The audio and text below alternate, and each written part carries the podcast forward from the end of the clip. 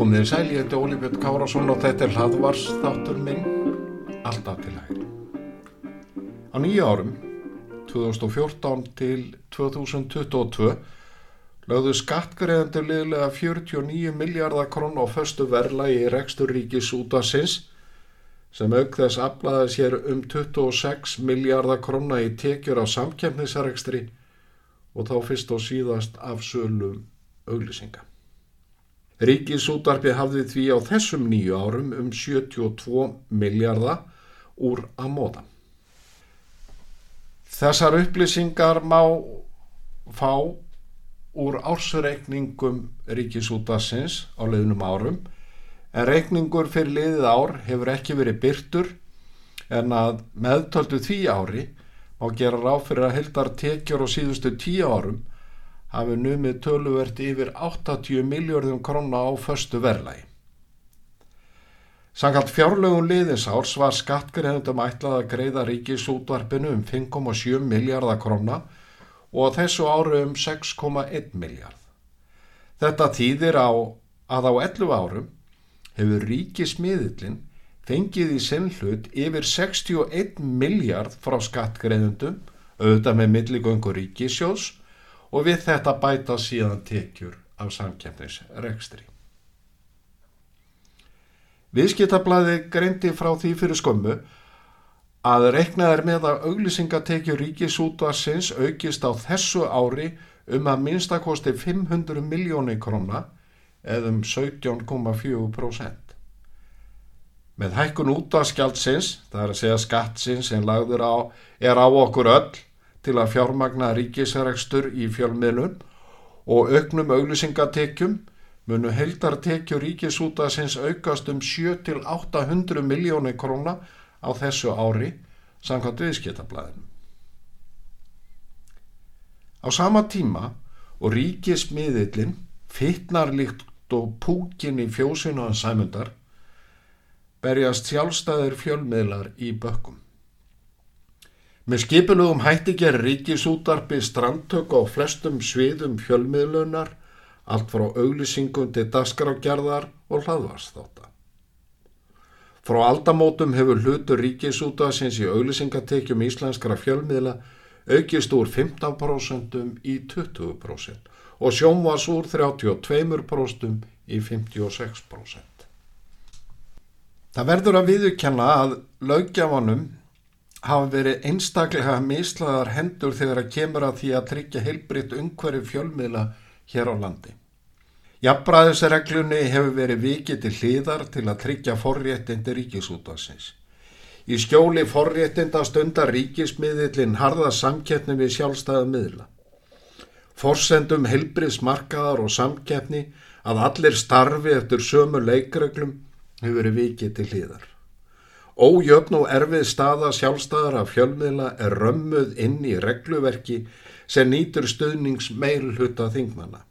Beiniríkistyrki til engareikina fjölmiðla hafi verið innleitir sem eins konar synda aflust.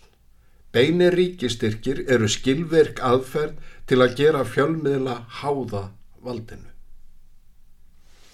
Ég hef lengi barist fyrir því að spilin verði stokkuð upp.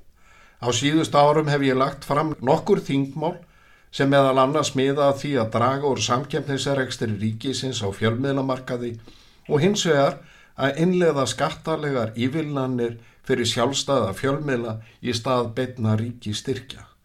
Ekkert þessara mála hefur náð fram að ganga sem ætti kannski ekki að koma á óvart í ljósi þeirra varðstöðu sem meiri hluti þingmana meiri segja þeirra sem á tillidögum berja sér á brjóst fyrir að standa með atunlífinu hefur staðið um ríkis útvarpið.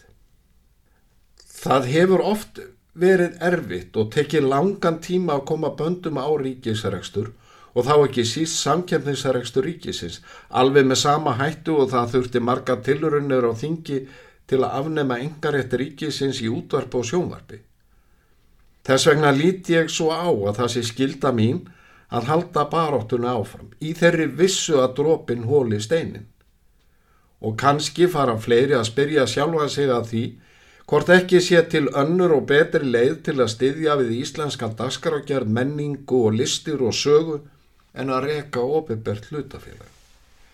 Hefur þeim 61 miljardir sem skattgreðendur hafa verið þvingaðir til að greiða ríkisútvarpin á síðustu 11 árum verið nýttir með skinsalögum hætti, var í Íslands kvikmynda, flóra, daskrákjar, fjölmiðlun og menning öflöri ef þessum fjármönnum hefði verið varið með öðrum hætti, til dæmis í gegnum samkennissjóði.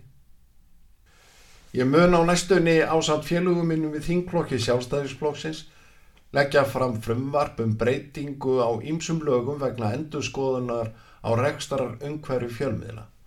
Markmið frumvarsins er að jafna samkynnstöðu engareikina fjölmiðla, gagvart ríkisreknu fjölmiðla fyrirtæki og alþjóðlögum risum. Það er lagt til að rekstaraformi ríkisútásins verði breytt í ríkistóknun með sjálfstæðastjórn. Fjármögnun verður fyrst og fremst með beinum framlögum úr ríkisjóði sangat fjárlögum hvers árs í samaræmi við þjónustu samning. Þetta þýðir að útvaskjald verður afnumið. Settar verða skorður við samkjæfnisærekstir og auglýsingamarkaði og verður stopnunum ekki heimilt að stunda markaðstarfsemi vegna auglýsinga. Ríkisútvarpunum verður aðeins heimilt að byrta auglýsingar og grundvelli gjaldskrár sem staðfest hefur verið af ráþöru og byrt ofinbeglega. Óheimilt verður að veita nokkus konar afslátt að gjaldskrá. Þá er hámas auglisingatími og hverri klukkustund 5 mínútur. Og í stað beinaríki styrkja er lagt til að sjálfstæðir fjölmiðlar njóti skatta í vilnana sem eru samræmdar og gegnsæðar, þannig allir siti við sama borð. Frumvapið gerir ráð fyrir tvennskona breytingum og skattaungverfi engareikina fjölmiðla. Annars vegar með undan þá fór greiðslu tryggingagjalds upp að vissu marki og hins vegar með því að fella niður virðisaukaskatt af áskriftum illendra fjölmiðla, brentmiðlum, netmiðlum og ljósokamiðlum. Þessum breytingum er ætlað að styrkja engareikana fjölmiðla og styðja við sjálfstæði þeirra. Ég lætt mig enn dreyma um að ríki drægi sig með öllu út úr fjölmiðlarekstri. Með framgangi frumvarsins ræti sátraumur ekki en umhverju fjölmila verður að minnstakosti nokkuð heilbreyðara. En eftir stendu þörsögnin að ríkið í frjálsu samfélagi stundi miðlum frétta og upplýsinga og takja að sér það hlutverk að veita stjórnvöldum aturlifinu og helstu stopnunu samfélagsins nöðsælegt aðhald. Og við getum síðan dæmt um það hvernig þessar ríkistofnun hefur tekist í því hlutverki.